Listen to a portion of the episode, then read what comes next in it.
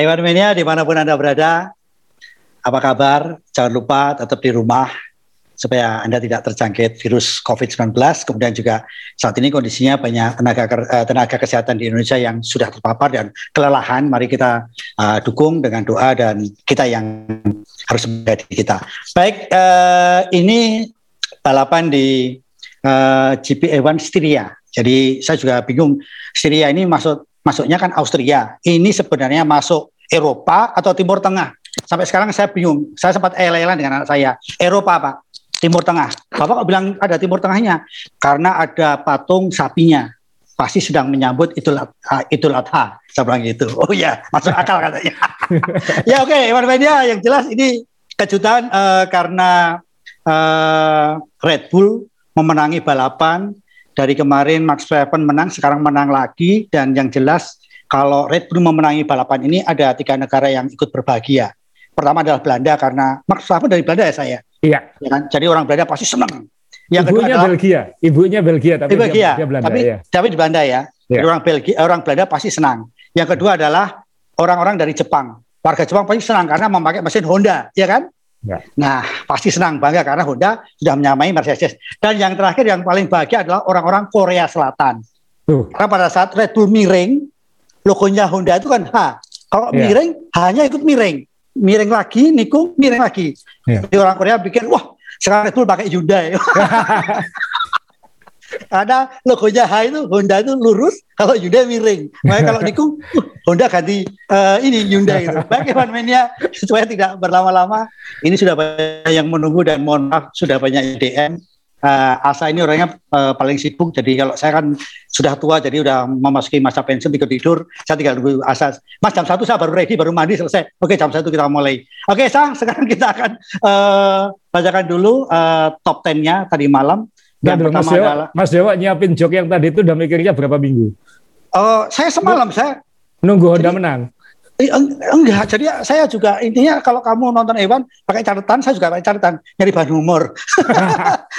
Dan uh, ini yang menarik uh, tadi malam uh, Verstappen nomor satu, uh, nomor duanya finish keduanya adalah Hamilton, ketiga adalah Bottas, empat ini nanti saya akan tanya Asa penasaran Perez ini karena kenapa dia pakai soft tetapi uh, dia waktu balapan pakai soft, yang lain pakai medium, kemudian pakai soft lagi kenapa nggak bisa mengejar uh, ke depan uh, Bottas. Kemudian ada uh, Norris ini aduh Norris ini selalu dapat poin nih luar biasa nih yang kelima keenam adalah Carlos Sainz uh, kemudian ketujuh adalah hiburan ini hiburan tadi malam adalah Leclerc karena memang dari belakang dia bisa nyodok sampai finish ketujuh. Kemudian ada Stroll alhamdulillah ada satu yang mewakili karena uh, Vettel jagoan saya nggak bisa masuk. Alonso luar biasa. Dan ini Sunoda nanti kita bahas ini juga luar biasa.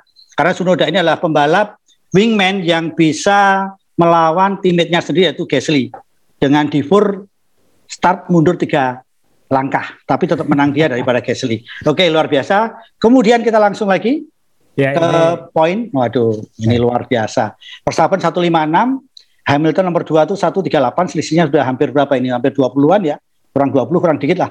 Kemudian ya. Perez 96, uh, Norris 86, Bottas 74, Leclerc 58, Carlos Sainz 50, Kemudian tujuh ini Gasly 37, Ricciardo uh, 34, Vettel 30. Jadi alhamdulillah Vettel jagoan saya masuk 10 besar. Konstruktor sekarang. Oke, Red Bull 252. Semakin nyaman atau tidak ini kalau melihat balapan masih panjang. Mercedes 212, uh, Wiro Sableng, kemudian McLaren 120, Ferrari 108, selanjutnya Alfa Tauri 46, kemudian Aston Martin 44, Alpine 31, Alfa Romeo dapat dua dan William. Nah nanti kita bahas ini William. Hari ini saya pakai kaos William saya. Iya. Ini kaos itu, tahun 97 ya. Apa aja? Itu 98 itu Mas. Itu pertama Berapa? kali Williams gak menang dalam satu tahun. Oh ini. Iya. ya kalau ini juara dunianya saya. Ah itu ya. 97 juara dunia. Itu juara dunia ya. Iya. Alhamdulillah. Ya, kaosnya bisa dibakar, mobilnya jangan Mas Dewo. Janganlah, ini 5 euro beli di Monaco. 5 euro. Oke, okay, uh, eh, Asa, ini semalam ada yang bilang balapan monoton. Tapi kalau pecinta hewan pasti ada saja cara uh, menikmati caranya. Nah, sekarang kita uh, pengen tahu saya ini kenapa Red Bull akhir-akhir ini kok rasanya sudah semakin pede, kemudian juga uh, uh, Max Verstappen juga semakin tenang. Perasaan saya seperti itu benar atau salah sah? Gimana sah? Ini ada foto saya tampilin uh, Verstappen di podium dengan pialanya. Uh, ya. Kalau lihat dilihat senyumnya tuh kayak senyum sudah kayak aku udah menang ini. Kalau lihat lihat wajahnya dari dekat itu agak ya. itu itu lebih lebih senyumnya itu lebih lega gitu. Kenapa? Karena menangnya mutlak sekarang, bukan lagi menang uh, kena strategi, bukan lagi menang ya. karena harus nyalip, tapi menang strategi dan menang di jalan. Jadi benar-benar di kandang sendiri lagi di sirkuit milik Red Bull, Red Bull ya. dominan. Dominan dalam artian oke okay, nggak satu dua tapi Verstappen menangnya itu meyakinkan sekali. Saking meyakinkannya itu sampai nanti yang lebih ramai adalah setelah lomba seolah-olah Mercedes itu kayak mengibarkan bendera putih seolah-olah. Tapi saya nggak tahu apakah itu nanti cyborg atau enggak. Tapi itu strategi ya.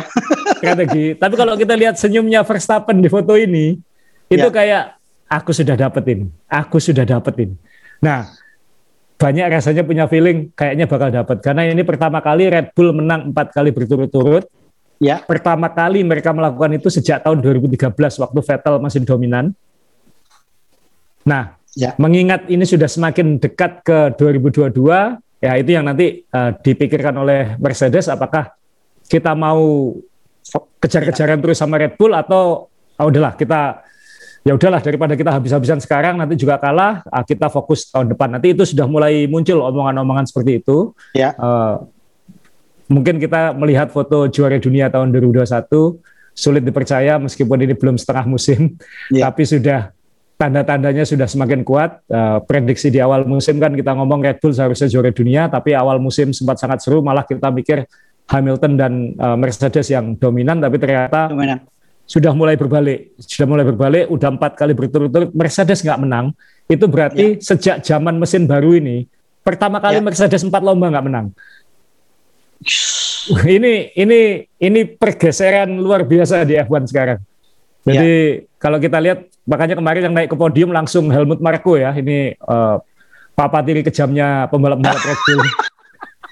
yang yeah. yang kalau ngambil pembalap, wah kamu ikut Red Bull, kamu ikut Red Bull, kamu kamu nggak bagus buang, kamu nggak bagus buang. Ini ini ini orangnya, ini yang ini yeah. otaknya uh, di balik uh, Red Bull. Uh, dalam yeah. artian bos besarnya kan ada bos besarnya Dietrich Mateschitz tapi yeah. yang megang sebenarnya orang ini Helmut Dr. Hel Helmut Marko ini yang baju putih. Yeah. Jadi dia sendiri yang naik ke atas uh, podium ya. Kenapa? Karena di sirkuit Red Bull Ring dan dia tahu minggu depan balapannya di sini lagi.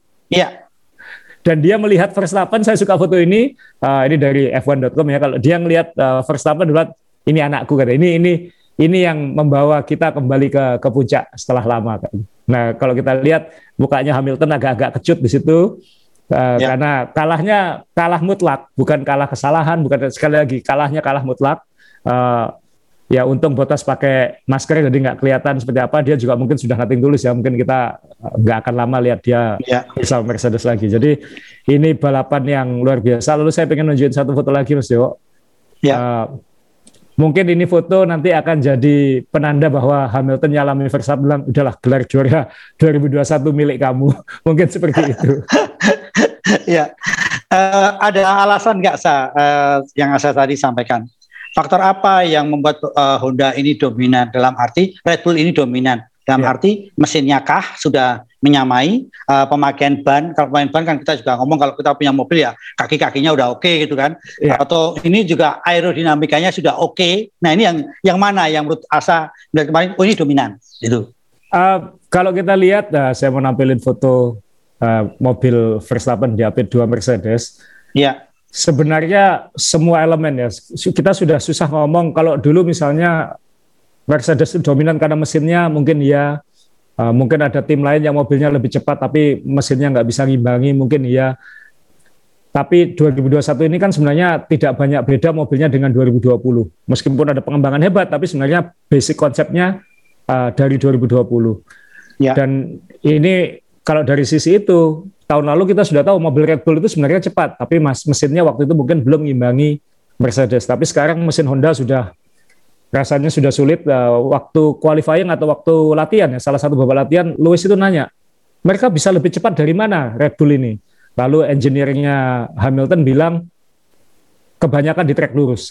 Kalau di trek lurus ya salah satunya adalah mesin. Mesin. Yang ke, yang kedua adalah mobil itu begitu efisien sehingga sayapnya tidak perlu sebesar uh, atau se, se se high downforce pesaingnya. Kalau kita lihat foto mobilnya Verstappen di di sini ya, Ya. Kalau kita lihat sayap belakangnya, uh, bagian yang ada tulisannya Honda. Ya. Kalau kita lihat uh, sayapnya Mercedes yang ada tulisannya Petronas. Ya. Sekilas saja sudah kelihatan kalau sayapnya Red Bull ini lebih uh, lebih kecil ya, lebih lebih lebih rendah, le bukan ya? Lebih lebih low downforce. Oh. Jadi memang Red Bull ini mobilnya begitu efektif, efisien, aerodinamikanya begitu bagus dengan uh, mesin yang mumpuni sehingga dia bisa ngurangi sayap aja udah cukup gitu untuk hmm. belok-beloknya dan lain-lain. Sedangkan Mercedes mungkin harus menambah-nambah uh, downforce di beberapa tempat untuk nikungnya bisa ngimbangi Red Bull. Jadi mobil ini sebenarnya menurut saya sudah sudah sudah mutlak yang terbaik.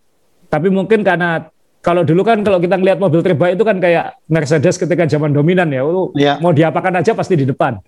Nah Red Bull ini mungkin masih yang terbaik, tapi marginnya masih belum masih belum cukup untuk dibilang dominan mutlak kira-kira kayak gitu.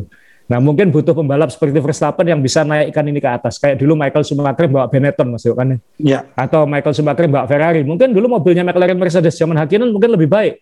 Tapi Michael Schumacher bisa membawa mobil itu setara atau sedikit lebih baik. Nah ini kita sudah mulai ngomong istilahnya marginal gain. Hal kecil-kecil yang bisa membedakan uh, juara atau tidak. Nah ya. kalau kita lihat uh, balapan kemarin Hamilton memang uh, ketinggalannya jauh ya, puluhan yeah. detik. Tapi kan dia pit stop terakhir untuk yeah. nge ngejar fase lap yeah. di akhir itu. Kalau kita mau ngomong realistis, mungkin selisih di finish itu mungkin sebenarnya hanya 15 detik. 15 detik dibagi 71 lap. Itu kan masih sangat sedikit. Ya. ya, jadi mungkin nggak sampai seperempat detik selisihnya. Mungkin hanya 0,2 detik. 0,2 detik itu kedipan mata, Mas. Gila ya. ya. Jadi Bayangkan F1 itu ya, wah ini mobil ini dominan. Enggak, selisihnya cuma kedipan mata sebenarnya. Tapi kita sudah bisa bilang ini dominan. Dan dominan. kalau kita lihat, ini bukan sirkuit yang panjang kan, ini hanya satu ya. menit lima detik ya untuk ya. satu menit tiga detik untuk pole position. Peringkat satu sampai paling belakang tuh nggak ada dua detik gitu kadang-kadang. Jadi kita ingat dulu zaman dominan siapa dominannya? Misalnya misalnya waktu Michael Schumacher 2002 2004 misalnya atau Mercedes ketika dominan. Selisih antara Mercedes dengan mobil kedua itu bisa satu detik lebih. Nah sekarang selisih antara pole position dengan peringkat 10 itu mungkin nggak ada satu detik kayak gitu. Nah ini yang ya sekarang kita ngomong iya mobilnya udah terbaik dominan. Iya tapi masih sekedipan mata. Maksudnya bukan ya, ya, ya, masih ya, belum masih belum masih iya. Belum okay. nah, ya lebih kuat tapi masih belum nah okay. tinggal ini saya mau tunjukkan foto Mas Dewo. Ya ini orang kan ya. Ini yeah. kayak ini kayak Darth Vader-nya F1 sekarang kan kayak gitu. Jadi Toto Wolff ini setelah lomba, saya kaget juga gitu. Dia ngeluarin statement yang menurut saya sangat kuat dan sangat menohok. Dia bilang adalah mereka itu masih Red Bull itu masih habis-habisan uh, membawa truk-truk uh, upgrade katanya ke sirkuit ini. Kami sudah nggak bawa apa-apa lagi. Kami sudah memutuskan untuk fokus ke 2022. Yeah. Dan dan kita uh, kita harus menimang-nimang ini. Maksudnya apakah kita akan ngejar tahun ini atau 2022 yang sebenarnya bukan hanya 2022 karena regulasi 2022 itu akan berlanjut sampai tahun-tahun berikutnya. Iya, basicnya ini ya, basicnya dasarnya ya. Dasarnya. Iya, dasarnya kan kalau bagus kan tinggal ngembangin terus ya. Betul. Nah, kalau, kalau misalnya udah, tahun depannya kepleset, bisa kepleset terus ya gitu. Iya. Nah, ini ya. yang yang sekarang pertama kali Toto Wolff bilang bahwa kita sebenarnya sudah nggak ngupgrade lagi mobil ini. Hamilton nambahi. Hamilton Hamilton bilang ya kita sudah tidak sudah lama saya tidak lihat upgrade pada mobil ini. Loh, baru sekarang ngomong kayak gitu. Ketika kalah baru ada alasan kan Mas Jo kayak gitu. Iya, iya, iya. Jadi ya. ini saya sudah lama tidak melihat ada upgrade. Jadi bukan berarti kita menyerah. Ngomongnya sih kayak gitu. Tapi ke depan kita tinggal harus memaksimalkan apa yang kita punya, bukan lagi menaruh apa yang baru. Nah, ini apakah ini cyber, apakah ini uh, uh, wake the dog yang mengecoh kita yeah, yeah. kita nggak tahu. Red Bull yang pasti, Honda yang pasti akan habis-habisan sampai akhir meskipun ada pembatasan uh, development mesin. Honda yeah. akan apa pun yang kecil-kecil yang diperbolehkan itu akan dikejar karena Honda ingin berpisah dengan dengan juara dunia ini sudah sudah kelihatan ambisinya. Sebenarnya ironis ya Mas Dewa, karena Mercedes yeah. yang sekarang ini dulunya Honda kan Mas Oh iya iya iya, iya. betul, betul, iya, iya, Honda Honda jadi Brown jadi Mercedes. Mercedes ya. iya iya iya betul betul betul. Jadi benar Indonesia uh, basicnya dari Honda dia harusnya tahu ya dari iya. Honda ya.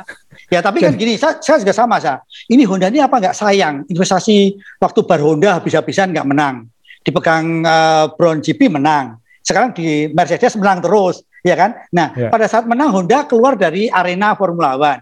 Ya. Apakah ada rahasia terselubung misalnya Honda di Jepang banyak pabrikan. Nanti kalau Honda keluar uh, dari sini tenang kita masih punya satu pabrikan yang kuat yaitu Nissan. Siapa yang berani nabrak Nissan? Ya kan nggak ada yang berani kan? Cuman siapa malam yang mau naik Nissan itu kan? Oke, okay, sah. Jadi ini nggak diterusin nanti kita salah ngomong bahaya nanti. Iya, karena ya, ya memang saya sih nggak paham ada apa dengan Honda karena ya. setiap kali naik keluar, ya. setiap kali naik keluar kayak gitu. Ya, ya, ya. tahu. Ya oke, okay. semoga nanti bisa diganti Daihatsu atau mungkin Suzuki juga menarik. Honda apa Jepang kan banyak merek jadi bisa kita pakai. Uh, saya ini uh, uh, yang masih penasaran lagi, uh, benarkah tadi kata Asa bahwa Benarkah ada bukti bahwa memang ini uh, mobilnya Mercedes sudah tidak di upgrade lagi. Kemudian kalau Red Bull tadi katanya truk-trukan masih datang mengupgrade dan sebagainya. Sebenarnya kalau ditimbang ini kenapa uh, Red Bull mengejar? Apakah mencari momentum untuk nanti menaikkan setelah bertahun-tahun dia kehilangan uh, sudah tidak pernah lagi juara dunia setelah Vettel? Apa kira-kira psikologisnya? Sa? Kalau jadi Red Bull Mas yang sudah nggak juara dunia sejak 2013 ya. Iya. Oh ya, yang namanya turun di F1 kan targetnya untuk jadi juara dunia. Iya, nah, iya, iya. Nah, saya juga mengelola olahraga gitu. Uh, ya. Realistis, tapi kalau ya. ada peluang kita harus kejar. Nah, ini peluang sudah di depan mata, uh, bintang sudah segaris, semua momen, semua situasi pada pihak kita, ya jangan dilewatkan menurut saya gitu. Mungkin bahkan mungkin dengan konsekuensi tahun depan agak dikorbankan. Itu mungkin pertimbangan yang yang harus berani diambil. Karena ya kalau kita sekarang tanggung, gelar lepas tahun depan belum tentu dapat kan. Oke. Ya, ya, jadi ya, ya. ya kalau saya jadi Red Bull ya pasti ya habis-habisan. Apa pun juara dunia itu kesempatan jadi juara dunia kan belum tentu lewat tiap tahun. Nah ini yang ya. apalagi Verstappen belum pernah juara dunia mas. Itu penting sekali ya. Penting sekali. Jadi ya buat ya, Verstappen ya, kan kapan ya. lagi aku dapat kesempatan seperti ini? Ya. Belum tentu. Ada pembalap ya. yang pul yang belasan tahun nggak dapat kesempatan jadi juara dunia kan seperti itu. Ya, jadi uh, Evan Mania kenapa saya tanya ini karena Asa ini juga sama dengan baju putih itu dia juga uh, presidennya Persebaya. Jadi saya pengen tahu kalau orang pegang pegang klub itu gimana kalau pada saat kesempatan tadi sudah dijawab oleh Asa ini ada kesempatan apa pun dimaksimalkan. Ya. Um, ada tambahan lagi saya sebelum saya pindah ke pertanyaan lain karena saya masih penasaran uh, ada penasaran yang ingin saya tanyakan, tapi apakah ada tambahan lagi antara Red Bull dengan Mercedes ini? Apakah Asa ingin ada sampaikan lagi? Uh, Mas Dewa tadi sempat di awal sempat nanya soal Perez ya.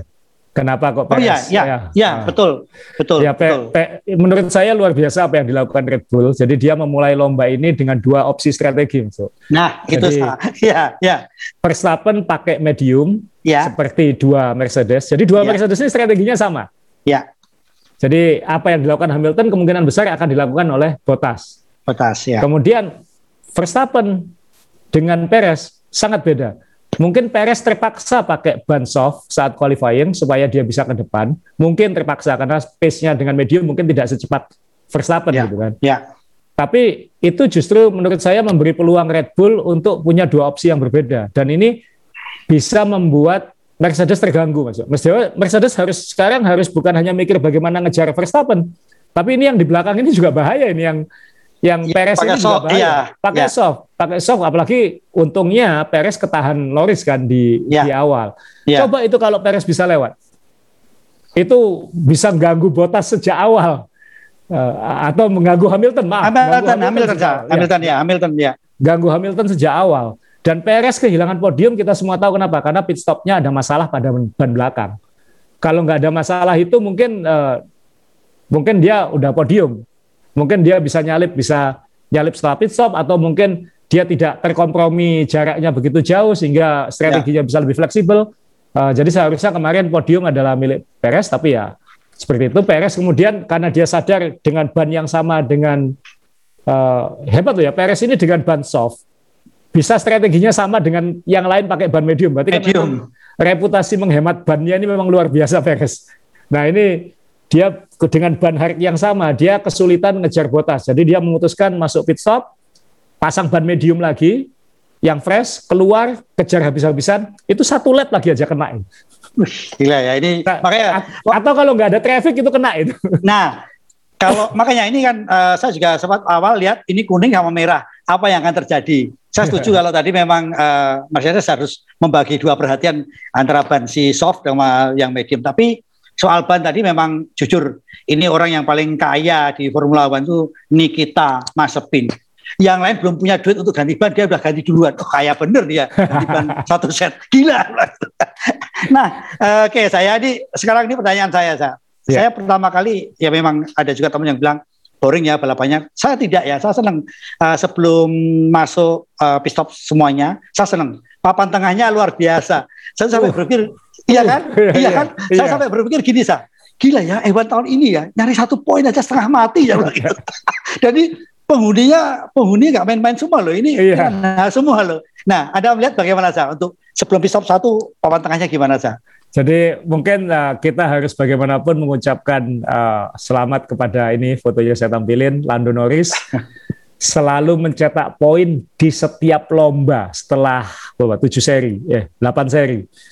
Dan dia peringkat 4, peringkat 3, peringkat 5, 8, 3, 5, 5, 5. Jadi kalau di depan ada dua Red Bull dan dua Mercedes, kelimanya Norris. Ya. Nah ini ini menurut saya superstar ini. Ini udah udahlah. Nah, ini superstar baru. Uh, ya.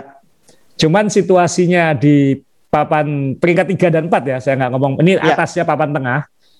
Ini makin makin membingungkan buat saya karena kalau kita ingat di Prancis, McLaren itu qualifyingnya jelek, tapi kemudian menyodok ke depan. Ya. Nah di di Styria di Austria Styria. satu kemarin. Ya. Oke, Norris qualifyingnya bagus dan dia bisa dia sebenarnya balapan sendirian di depan. Dia nggak ngejar yang Red Bull Mercedes, tapi dia juga ya. nggak ya. dikejar sama yang belakang kan kayak gitu ya. kan. Dia kayak ya. ya udah aku balapan sendirian aja di sini kayak gitu. Nah, Ricciardo tapi bermasalah terus. Uh, satu qualifyingnya nggak begitu bagus. Saat ya. lomba sempat ada masalah mesin sehingga dia mundur ke peringkat 13 lagi dan kemudian nggak bisa kembali ke poin. Nah, dibaliknya malah Ferrari sekarang yang saat balapan luar biasa gitu. Ini saya mau nampilin foto pasangan Ferrari dia Sainz sama Leclerc. Ya. Ini Ferrari yang di Prancis balapannya dari depan ke hilang, ini ya. sekarang yang menakutkan sekali malah sampai Sainz Sainz itu bilang kecepatan saya sama kayak Mercedes bilang kayak. Wah, ini kan ini ada apa di papan tengah ini? Ya kok kok situasinya bisa begitu fluid ya, bisa begitu acak, bisa begitu oh, kayak papan depan atau kayak belakang. Jadi kayak Mercedes atau kayak Haas. kita yeah. kita nggak bisa nggak bisa nebak dan Leclerc yang harus ganti sayap depan di awal, ya itu ngejar terus ke depan sampai peringkat tujuh sampai dia dipilih jadi pembalap terbaik kan? Iya, iya. Iya. Nah ini ada apa dengan saya sih terus terang masih di mana ini ya? Masa gara-gara setelan ban, masa gara-gara setelan apa? Ini kan si, sirkuit ke sirkuit bisa begitu beda gitu. Nah ini ya. yang dan kemarin meskipun Norris finish nomor 5, secara keseluruhan poinnya banyak Ferrari. Jadi sekarang Ferrari yang mendekat. Double point ya, dia ada semuanya semuanya punya poin yang bagus ya kemarin ya. ya. Nah ya. ini, in, wah ini jangan-jangan nanti kalau Mercedes benar-benar nyerah, ini Ferrari lawan McLaren lebih seru mungkin. Iya, makanya kan saya senang waktu uh, Leclerc ini menyalip dua alumni Ferrari kan. uh, ya Vettel kena, ya Alonso kena. alumni alumni udah kena semua ini. Kimi udah duluan ya kan. Dan, dan nyalipnya enak gitu. Maksudnya meyakinkan gitu. Ya. Bukan bukan apa bukan tarung yang susah-susah amat kayaknya ya. ya susah ya. tapi tapi wah ini Ferrari ada apa saya nonton Waduh Norris bisa kena ini. Tapi untungnya malah uh, Sainz kan ngomel, saya ketahan Hamilton gitu kayak gitu.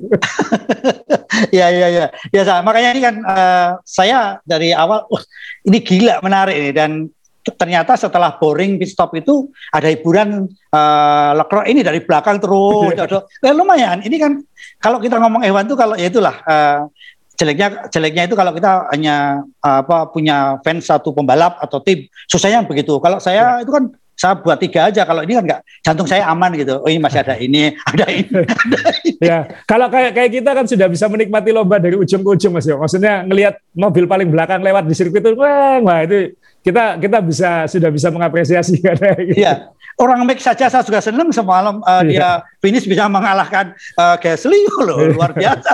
Gasly nggak finish. Ya. Oke, jadi Gasly kemarin kita tanya kenapa apa yang terjadi sebenarnya bukan kerusakan. Dia memilih satu stop sekali stop terus. Sa, ini uh, saya Norris sudah dibahas ya. Semalam jujur saya ikut sedih kenapa saya pakai William. Yeah. Ini George Russell itu menurut saya kecepatannya luar biasa semalam saya lihat juga ini ini potensi untuk poin saya bilang gitu kan. Iya. Tapi ternyata nggak tahu sial tuh kok rasanya uh, sial yang mengejar dia gitu. Nah menurut menurut Asa gimana Asa? Ini saya tampilin fotonya ya Mas Dewa ketika dia keluar dari mobil. Uh, jadi memang patah hati terbesar tadi malam adalah Russell menurut saya. Di awal lomba, uh, qualifying kan dia gagal ke Q3, akhirnya start yeah. nomor 11 ya kalau nggak salah. Nah, tapi itu waktu itu engineer-nya bilang, nggak apa-apa, kamu malah punya opsi milih ban sekarang. Karena kalau dia peringkat 11 ke belakang kan bannya bebas saat start. Sedangkan ya. 1 oh, sampai 10 iya. harus memakai ban yang dipakai saat mencatat waktu terbaik di Q2. Jadi akhirnya start pakai medium, ban mungkin yang ban paling baik uh, untuk awal lomba. Kemudian maju peringkat 10 karena Sunoda harus mundur itu. Ya. Nah, dari situ dia tetap pakai ban medium karena kan uh, dia nomor 10 karena ada penalti bukan karena dia nomor 10 jadi dia tetap bebas memilih ban. Dia itu mengganggu Alonso luar biasa di awal lomba masuk dan ya. dan itu di peringkat 8 ya, 8 atau ya 8. Ya ya ya, ya, ya sekitar itu. Ya antara, antara itu saat. Wah itu bilang, wih ini cepet loh ini mobil. Ini Alonso lewat sebentar lagi, lewat sebentar lagi. Tapi kemudian ada omongan radio uh, yang kita harus pakai opsi B atau apa kayak gitu. Uh, saya lupa pastinya uh, engineer William bilang uh, kita harus pakai opsi opsi B untuk reliability katanya. Oh, waduh, ada masalah ini saya bilang kayak gitu. Ya. Ternyata benar, ketika masuk pit stop lama, kayaknya ada masalah pada side itu. Uh, saya lupa pastinya mungkin uh, uh, pemirsa atau pendengar mungkin tahu detailnya apa. Uh, saya juga lupa terus terang ini. Tapi ada masalah pada pada pada bagian sidepod kanan itu sehingga dia harus bolak-balik uh, masuk pit stop dan akhirnya udahlah uh, minggir aja dan saya pikir ini orang kasihan banget ya saat ya. mobilnya kenceng dianya kenceng mobilnya rusak padahal tahun ini kita kan beberapa tahun terakhir ini kan ngomong mobil F1 rusak itu kan aneh kan Iya, iya. Karena ya. kan kayak sudah nggak bisa rusak. Dan Betul. di Prancis, di Prancis minggu lalu 20 mobil finish semua. Betul. Dan, dan waktu itu Russell sudah ngomong, ini balapan terbaik dalam hidupku kok ya finish semua? Sehingga saya tetap finish nomor 12 dia bilang kayak gitu. Jadi jadi di tahun ketiganya bersama Williams ini dia belum dapat poin untuk Williams. Gila, itu ya. kan tragis itu. Nah ini kemarin dia seharusnya harusnya dia jelek-jelekan 10 lah ya di depan ya. Sonoda atau apa. Eh nggak dapat poin lagi. Ya, ya. moga-moga nanti minggu besok di sirkuit yang sama karena kita tahu di sirkuit yang sama eh, berarti kansnya dia bisa perform baik juga akan terulang ya kita semua berharap ada keadilan untuk Russell lah gitu. Saya kan memang kadang-kadang ada pembalap yang kayaknya apes gitu ya Mas Jo ya. Betul betul saya. Jadi Tapi dulu, kan di, di Formula One kita juga pikir ini apesnya itu diambil dulu, untungnya di belakang atau ada yang untung apesnya di belakang kita juga nggak tahu kan sa. Di uh, kan ah. seperti itu kadang-kadang kan. Saya punya dua contoh ekstrim itu Mas Jo. Apa sa? Mika Hakkinen sampai balapan ke 90-an nggak menang-menang. Begitu menang, menang, menang, menang, menang juara dunia dua kali kemudian pensiun di puncak. Kemudian ya. ma mohon maaf Michael Schumacher ya yang juara ya. dunia tujuh kali, tapi kemudian uh, moga-moga dia diberi kesehatan terus dan ya. dan uh, bisa bertahan. Jadi ya nasib nasib orang kan kita nggak bisa nggak bisa tahu. Tapi mungkin ya moga-moga benar Russell ini uh, apesnya diambil di awal terus gitu, sehingga ya, nanti ya. kalau tahun depan dia ke Mercedes uh, dia bisa langsung uh, lebih baik dari Bottas minimal. Gitu. Nah, sebentar saya ini uh, kenapa ada berita-berita mengatakan bahwa uh, Hamilton mempertahankan Bottas ini. Ini ada apa? Uh, ada apa? Apakah Hamilton juga merasa aku udah tua nih kalau ketemu anak muda ya bisa jadi duel juga gitu kan? Iya kan? Makanya kan saya saya udah kemarin bikin status di Facebook saya. Saya paling ngeri nonton Moto3 ya anak muda nggak punya takut. Waduh, udah paling uh, ngeri. Ya. Udah nggak ngeri. Nah, semua ya, ya. Nah, makanya kan ini kan kalau benar-benar asal naik ke Mercedes berarti uh, Hamilton kan ketemu lawan yang tidak tidak gampang juga karena dia juga punya ambisi ya. Uh, saya nggak tahu apa maksud Hamilton bicara seperti itu. Uh, ya. kalau saya jadi bukan saya ya, kalau misalnya seorang juara dunia yang dia pengen nomor satu di tim, dia pasti lebih senang musuh yang dia tahu. Kenapa dulu? Meskipun Hamilton tidak se ekstrim Michael Schumacher ya, Michael ya. Schumacher ya. dulu ditulis di kontrak. Wush, gitu ya? Ya ya, pembalap temanku satu tim ini harus nomor dua. Nah Hamilton mungkin nggak ada nggak ada seperti itu. Ya. Uh, tapi kan ya kalau situasi seperti sekarang kan ya aku mending sama Bottas, aku jelas dia nggak bisa ngalahin aku kok. Kan daripada dengan Rosberg. Oh iya. ya. Daripada dengan Rosberg, daripada dengan Jensen Button dulu. Iya. Ya kan? Daripada dengan Fernando Alonso dulu, ya, ya. kan? Apa pun ini rekan setim tanda kutip yang yang paling bisa dikalahin sama Hamilton kan. Iya. Ya. Sehingga kan dia dulu sama Button ya ya unda-undi, kemudian sama Alonso sampai berantem.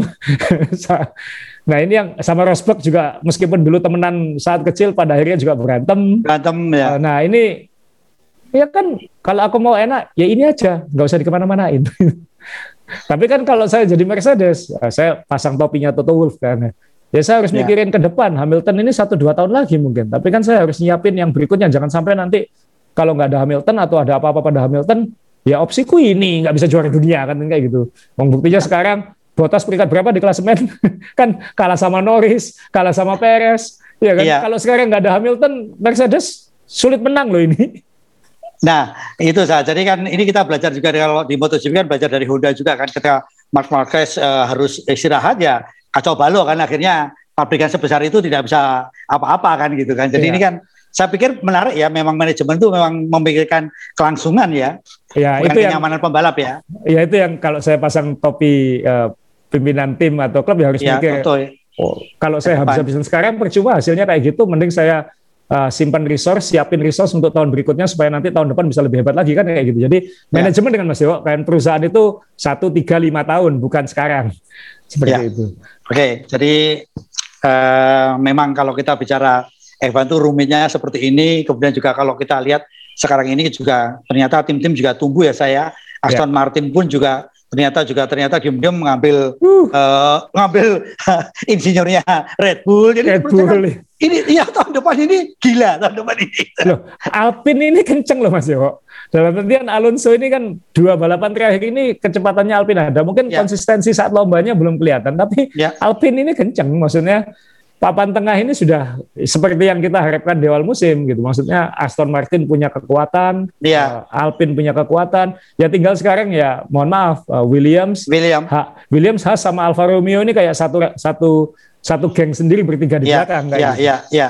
Oke, jadi uh, menarik saya. Jadi uh, balapan semalam memang kalau kita ngomong memang jujur aja di belakang sudah benar-benar semalam itu kamera tidak ke belakang jadi hanya ke tengah sampai iya. ke depan ke tengah yang paling banyak. Ini kan uh, kecuali ingat, kecuali Mazepin oh ya ya ini Mazepin ini kan juga memang luar biasa juga kan dalam arti memang ya uh, ya bagaimana juga uh, memang di Ewan ini kan harus awet harus bertahan.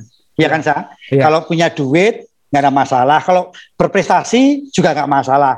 Ya. tapi kalau prestasinya nanggung nggak punya duit pasti juga hilang kan Uh, Makanya saya itu sekarang lagi meneliti kenapa siapa pembalap yang akan awet di Formula One? Rasanya Mas Pin.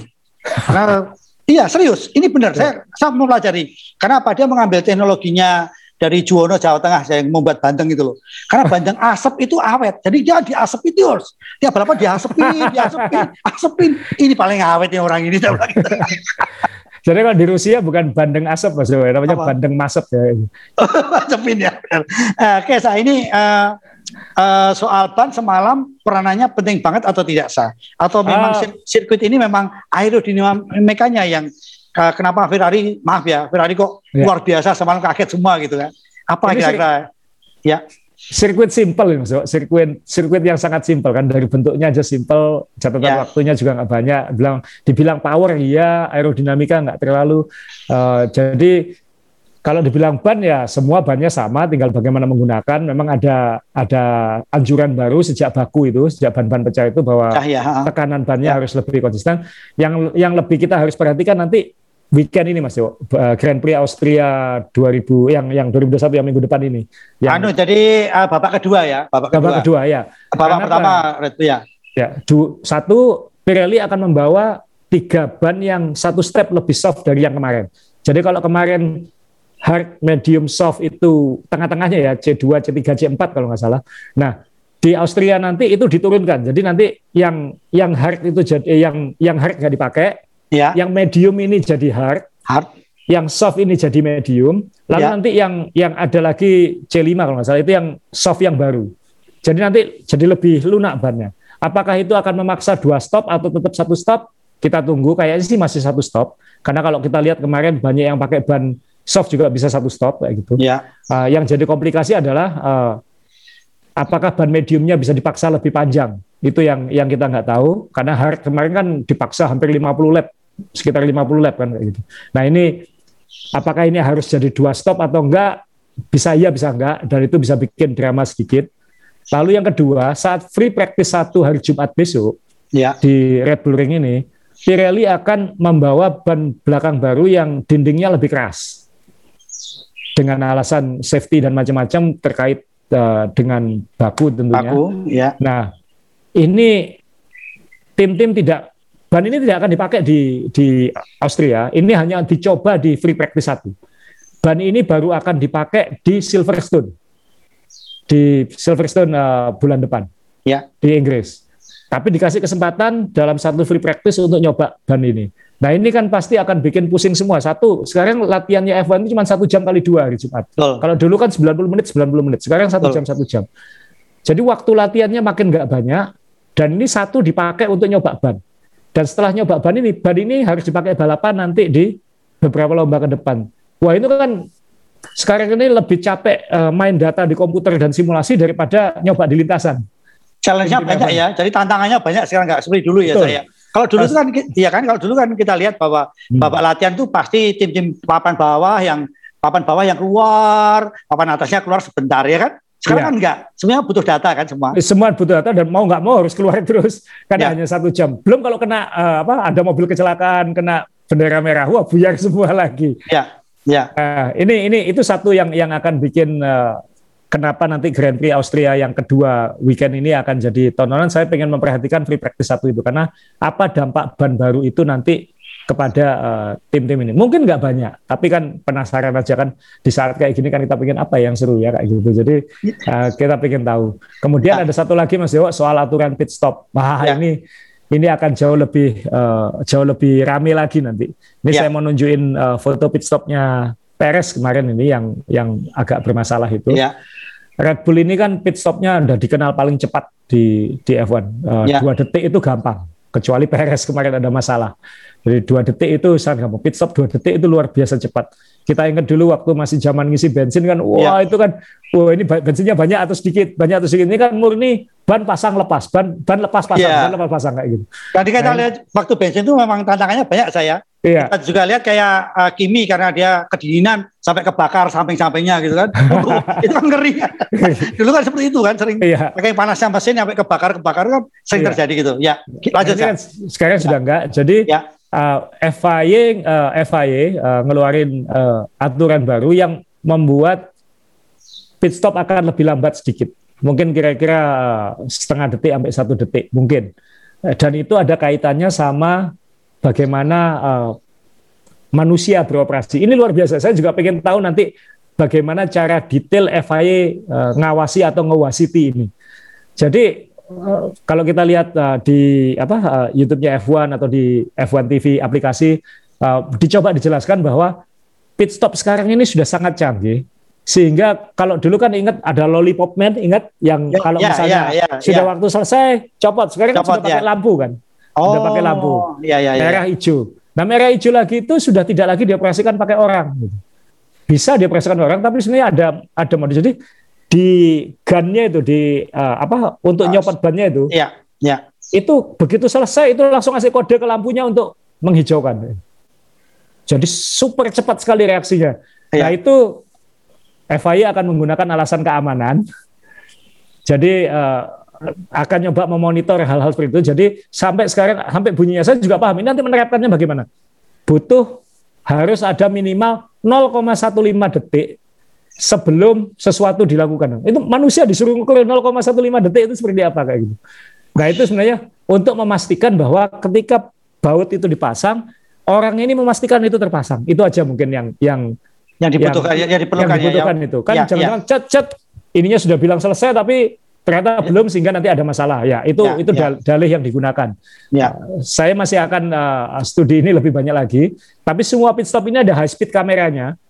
Jadi saya nggak tahu nanti itu mau wasitinya seperti apa. Ini luar biasa. Tapi itu sebenarnya bukan hal baru ya. Saya di basket kan cukup lama Mas Dewo.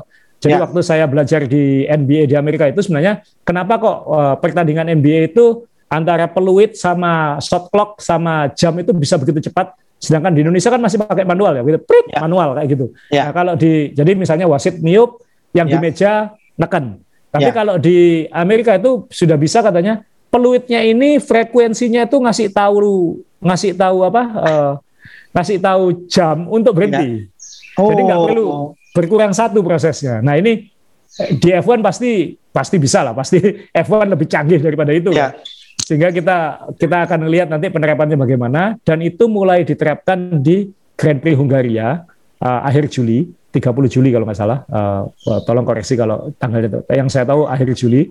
Nah itu mungkin pit stopnya akan lebih lambat. Nah ini Red Bull sudah ngomel. Kenapa? Ini yang ditarget kita ini gitu. Karena kita yang paling cepat. Jadi mungkin karena kan kita ingat di Prancis kemarin Mercedes itu bingung. Hamilton hilang setengah detiknya di mana kan kayak gitu Simulatornya ya. salah ini jangan-jangan. Nah ini yang ya. yang yang dicari. Saking bingungnya Mercedes, ketika latihan pit stop uh, saat uh, latihan dan saat kualifikasi uh, saat babak latihan khususnya di Styria kemarin itu, Bottas sampai melintir kan. Itu kan ya. melintir karena Mercedes mencoba prosedur baru maksud. Oh, saya nggak ya, tahu ya. sebelum ini pembalap Mercedes kalau pit stop selesai pit stop pakai gigi berapa, tapi waktu itu Bottas mencoba gigi dua hasilnya malah melintir karena kecepatan. Nah, ya. jangan-jangan sebelum itu pakai gigi tiga kan kita nggak tahu. Nah, saking kecepatannya sampai melintir sehingga Bottas dapat penalti tiga posisi. Itu gara-gara bingung setengah detik kalah sama Red Bull ini di mana gitu. Nah, mungkin cara paling gampang ya regulasinya jadi ketati pit stopnya jadi nanti pit ya. stopnya ya. Red Bull lebih pelan. Jadi anu ya saya kadang-kadang uh, inovasi ini ya kehambat juga ya kita nggak tahu siapa yang bermain di sini siapa yang iya. diuntungkan kita nggak tahu ya. Nggak tahu. Nah, iya kan karena uh, kadang teman-teman kalau uh, Evan Mania kalau sampai uh, pernah main ke ke sirkuit sampai nonton bagaimana latihannya uh, pit stop itu kan kadang-kadang kita pikir gila ya ini udah puluhan tahun, udah puluhan eh, ratus ribuan kali, berkali-kali, tetap latihan, tetap latihan, ya. tetap latihan ya kan. Ya. Nah ini dan, dan kita kita suka maksudnya karena kan sore-sore misalnya hari Kamis, hari iya, Jumat, ya. Ya. atau hari Jumat atau Sabtu itu sore-sore ya. ketika semua udah selesai mereka latihan pit stop itu kan. Ya. Itu kan ya. kita suka nonton itu kan. Ya. Jadi ada mekanik eh, nggak pakai helm duduk di tengah seolah-olah ya. dia pembalapnya, ya, ya, lalu di belakang didorong, didorong ya stop yeah. cat lalu cat cat cat nanti ada yang ngitung cat ulangi ya ya ya ulangi ya yeah. kita yang nonton di TV aja nggak paham betapa sulitnya proses latihan pit stop itu. Nah makanya ini saya jadi kan kalau misalnya ada yang punya inovasi terus kehambat gini kan juga Nah, memang dulu kan lolinya itu kan memang juga punya peran iya. juga kan, ya kan. Uh, belum kalau seperti kasusnya Felipe Massa yang di Singapura uh, selang bensinnya ketarik ikut mobilnya yeah. lari itu, itu kan juga yeah. dampaknya ke semuanya yang ada di situ kan, gitu yeah. kan? Iya. Yeah. Nah, ini kenapa sekarang Red Bull sudah mulai uh, mendapatkan uh, trik atau cara baru kehambat lagi. Ini apa ya kira-kira Apakah memang biar Ewan itu semakin menarik, tidak boring atau gimana ya? Saya nggak tahu Mas tapi yang yang jelas, tapi kan juga dua arah ya Mas Jadi ya. Mercedes kan juga nanti akan ada direktif baru, saya kira tentang untuk sayap depan gitu, karena omelan sayap depannya Mercedes itu perhatikan itu katanya itu juga lem, itu juga lemes katanya. Iya iya. ya. jadi jadi saling serang aja sekarang kayak gitu, dan itu yang dan itu ditanggapi terus. Toto Wolff ngomong apa, Horner nanggapi. Horner ngomong apa, Toto Wolff nanggapi. Jadi sehingga kok malah ribut di pinggir ya, bukan di sirkuit ya. Oke, jadi ini Ewarmania uh, bumbu baru ya. Mungkin karena sekarang kita udah masuk ke uh, era era era medsos, jadi mungkin ya cukup menarik ya omongan-omongan gini kan. Kalau dulu kan ya dari mana kita dapatnya dari medsos nggak nggak se seperti ini kan saya iya. sedetil ini dan yeah. rasanya hanya tim papan atas saja yang berantem, yang menengah bawah ya udahlah, nerimo aja mesin aja kita dipasok, bisa nyicil sudah alhamdulillah begitu kan. nah kalau Has kan menarik karena kan diikutin terus sama Netflix dengan Gunter Steiner ya kan memang kayak karakter karakter film jadinya. Iya, oh gitu ya. Setiap kali Netflix kayaknya dia yang paling dominan itu. nah ini kan nanti ada yang sudah bertanya di wall kita Asa. Jadi kapan ini dibahas Netflix ini nanti kita tunggu Asa. Ya kita tunggu nanti kan nanti ada satu bulan break antara summer break itu Mas kita bisa bahas ya. hal-hal lain yang karena ini kalau sekarang sayang karena kan tiga lomba berturut-turut dan ya. menurut saya sekarang lagi momen krusial uh, persaingan Mercedes dan Red Bull. Jadi uh, jangan terlalu saya sih pengen wah ini seru ini karena mungkin nanti kalau Red Bull sudah memimpin 100 poin atau apa gitu mungkin kita ngomongin yang lain. Oke, okay, oke. Okay. Jadi Asa tadi bilang bahwa nanti akan ada ban baru dari Pirelli. Nanti kita lihat ya, Pirelli ini jujur atau tidak. Karena yang saya tahu, Pirelli ini bisa membuat hard, soft, super soft, ultra soft ya, sampai ultra soft ya. Nah, itu kalau mau jujur itu teknologi asli dari Indonesia. Karena itu belajar dari uh, manajemen Bandeng. Bagaimana Bandeng bisa laku karena memakai Presto, ya kan? Dari keras, lunakan, lunakan, lunakan. Itu pakai teknologinya Bandeng Presto. Jadi kita lihat apakah nanti Pirelli akan membayar royalti kepada uh, grup Bandeng di Juwono, kita nggak tahu juga. nah, ini sekarang kita ngomongin uh, uh, andai-andai aja tahun depan. Kalau yeah. tadi pit stop sudah dirubah, kemudian juga ada aturan-aturan uh, apa? Uh, pasti bentuk mobil juga akan berubah. Yeah. Tahun depan itu kayak apa sih kurang lebih kok sekarang sudah beredar di uh, medsos itu ini mobil tahun 2000 22 kayak gini loh, kayak gini, kayak gini, kayak gini gitu. Ini karena Mobilnya apa? kan sebenarnya sejak 2019 sudah ada gambarnya Mas Yo. Kan oh, sudah kan, ada ya? Iya kan seharusnya diterapkan tahun ini, tapi iya. dimundurkan ya. karena pandemi. Oh iya, Jadi iya, sebenarnya iya, betul, Uh, iya, iya, iya. foto mock up itu kan foto mobil mock upnya yang akan di akan digunakan, tapi gambar ya. sketsanya kan sudah sudah lama, regulasinya ya. juga sama. Memang akan berubah total. Ya. Uh, ada yang bilang F1 jadi mirip IndyCar. Uh, dan dalam satu hal saya sepakat karena memang itu filsafat yang dipakai IndyCar. Tapi bukan berarti itu tidak baik. Karena apa? IndyCar itu lebih ketat persaingannya daripada F1. Jadi kalau misalnya bisa memberikan efek uh, seperti itu, saya nggak keberatan. Kalau tahun ini kita nganggap ini ketat dan tahun depan bisa lebih ketat lagi, kan itu baik. Baik buat show-nya kan.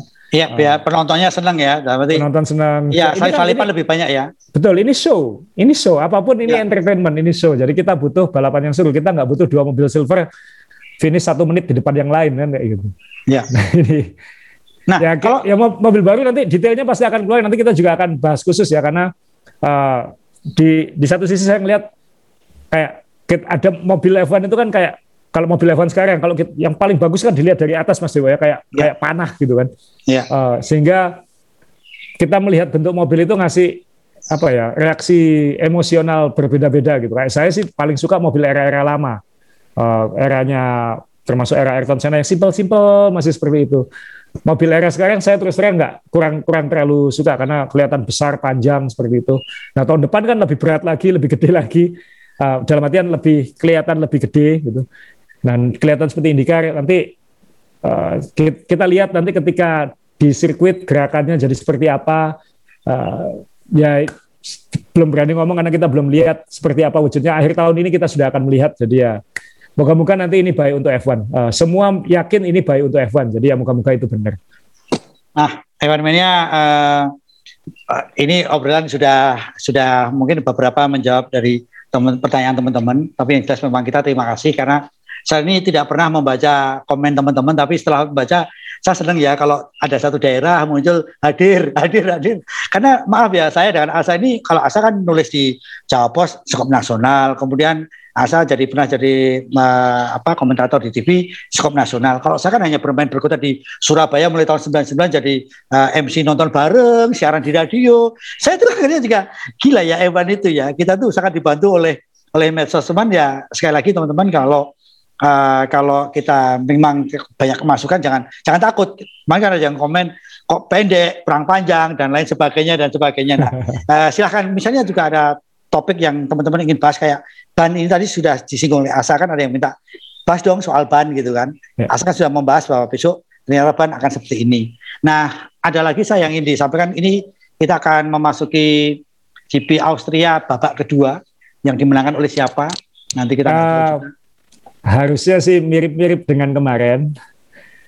Malah kalau bannya disoftkan dilunakkan lagi, jangan-jangan Red Bull malah lebih kuat lagi. Jadi jadi kita lihat uh, dan Perez, uh, saya pengen lihat Perez dengan ban yang lebih lunak lagi karena ini orang istimewa pakai bannya. Halus, jadi itu cara dia bawa, cara dia ngerem, cara dia gas itu yang bikin ban lebih awet dari yang lain. Dan itu sudah ter teruji bertahun-tahun. Dan itu memberi dampak bagus buat uh, Red Bull di sini. Jadi uh, saya pengen lihat uh, apakah dia bisa lebih dekat ke depan. Karena kemarin meskipun dia tampil bagus tapi kan Perez kurang memuaskan ya. Kan harusnya Red Bull bisa satu dua. Kalau misalnya Red Bull bisa satu dua ya mungkin minggu depan tema kita kan tema yang sekarang adalah apakah Mercedes akan menyerah kira-kira kayak gitu. Nah mungkin minggu depan sudah Mercedes game over jangan-jangan Nah, nah tapi gini sa, uh, uh, berarti kehadiran sekali lagi mungkin sudah dibahas ya. Selama ini memang Red Bull ini dengan dua pembalap muda itu ternyata memang tidak tidak pernah menghasilkan yang maksimal ya dengan dengan dua pembalap muda ada Albon ada siapa ya. lagi itu. Saya, uh, saya punya teman ya. Mas Dewo, dia ya. itu ngefans berat sama Albon ya. Setiap lomba moga-moga Albon podium, moga-moga Albon podium. Ya. Begitu Albon keluar atau enggak anu, ya. ya nanti minggu depan bisa podium. Jadi sangat berharap. Tapi begitu ngelihat Perez uh, seperti ini, bilang benar diganti Albon itu, benar diganti Albon itu. nah, kalau kalau pembalap muda itu kan dia juga masih harus belajar ya maksudnya. Dia betul, harus belajar, betul, uh, betul. dia harus menyesuaikan diri dan lain-lain. Kayak Mick Schumacher ternyata sampai sekarang masih membiasakan posisi duduk seperti itu. Nah ini Perez ini kan sudah pernah di McLaren, iya. bertahun-tahun jadi raja papan tengah, dan sekarang dikasih kesempatan ya pengalamanku ini sudah ada. Aku nggak perlu banyak belajar. Aku sudah tahu aku mau apa. Aku sudah tahu aku harus ngapain. Aku tahu caranya begini. Oh begini. Aku beginiin. Nah, ya. ini yang mungkin uh, selama ini Red Bull nggak ada referensi seperti itu karena selalu pembalap muda. Ya.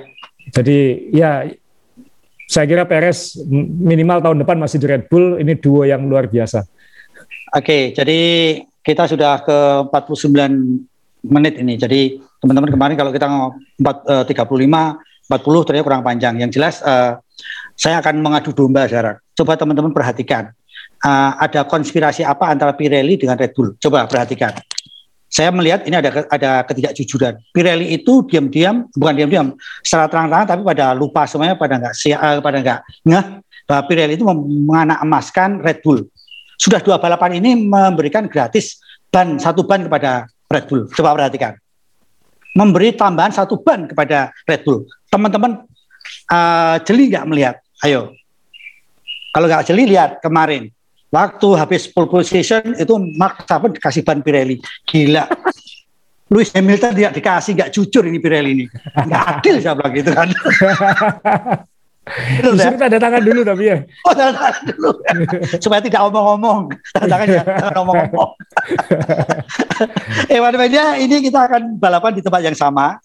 Saya tidak tahu sekarang kita membayangkan sedang apa para pembalap ada di sana. Bayangkan kalau itu dekat dengan Indonesia pasti kita sudah akan lari ke sana karena apa? Siapa tahu di mall kita ketemu pembalap bisa foto dan tanda tangan, ya kan? Di kafe-kafe bisa tanda tangan, foto-foto uh, dengan pembalap kita bayangkan itulah yang kita rasakan yang jelas uh, iri rasanya kemarin sudah beberapa penonton sudah masuk ke sirkuit ya saya di sana yeah. ya dan sirkuitnya juga kalau ada yang kemarin dilihat dari atas tuh, aduh cantik sekali. Yeah. Dan weekend ini membuat saya tambah pusing karena ada Tour de France, kemudian ada Wimbledon. kalau ada tuh MotoGP ada hewan tambah pusing ngatur waktunya di depan TV. kalau Oke, pagi ada, sampaikan. Kalau pagi kenapa? ada playoff NBA juga Mas Jadi banyak tontonan. Oh iya iya iya, saya. Cuman justru kalau NBA saya sedikit sekali tapi kalau IndyCar saya suka. Karena seperti Asa bilang tadi, ini balapan gendeng ya. Uh, karena startnya saya nggak tahu, startnya memang selalu rolling gitu ya. Ah iya, dia rolling start ya. Dia rolling, rolling start ya. Iya. Itu kan satu-satu atau jadi dua. Yeah. Waduh, uh, itu kan, waduh ini ngeri sekali. Dan lumayan ya, Takuma satu masih selalu posisi 8. Yeah, dua kali nah, juara Indy 500 Mas. nah, makanya Takuma satu ini. Yeah. Uh, Ewan Mania, uh, jangan lupa kalau ini menjadi obrolan yang menarik, mau subscribe silahkan, juga mau di share juga terima kasih. Tapi kita nggak mewajibkan untuk uh, tekan bell karena di Formula One tidak ada bell. jalan-jalan aja gitu. Ada yang sampaikan sebelum kita tutup, Sa? Ada yang sampaikan? Ya, cukup. Makasih banyak. Oke, okay, uh, saya ini memakai kaos McLaren tahun 2000 berapa, Sa? 2007 harusnya. 2007, iya kan? Dan dulu kaos-kaos ini yang menjadi idola ya. Di ini ini berapa? Ini berarti umurnya 13 tahun, 14 tahun. Ya. ya bajunya Mas Dewo 98. 98. ini. Jadi teman-teman kita ini Uh, mungkin di tempat saya saya akan pakai suit walaupun sudah agak beladus teman. Saya yakin yang punya suit saya nggak tahu. Apakah yang ada yang punya kaosnya Eddie Irvine? Saya nggak tahu. Eddie Irvine punya nggak? Stewart. Edi Irwan punya nggak? Edi Nggak, nggak punya. saya punya kaosnya kemarin saya buka-buka ada kaosnya Kubitsa.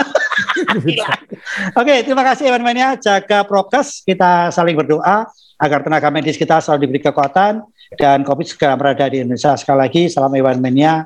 Sampai jumpa. Salam Prokes.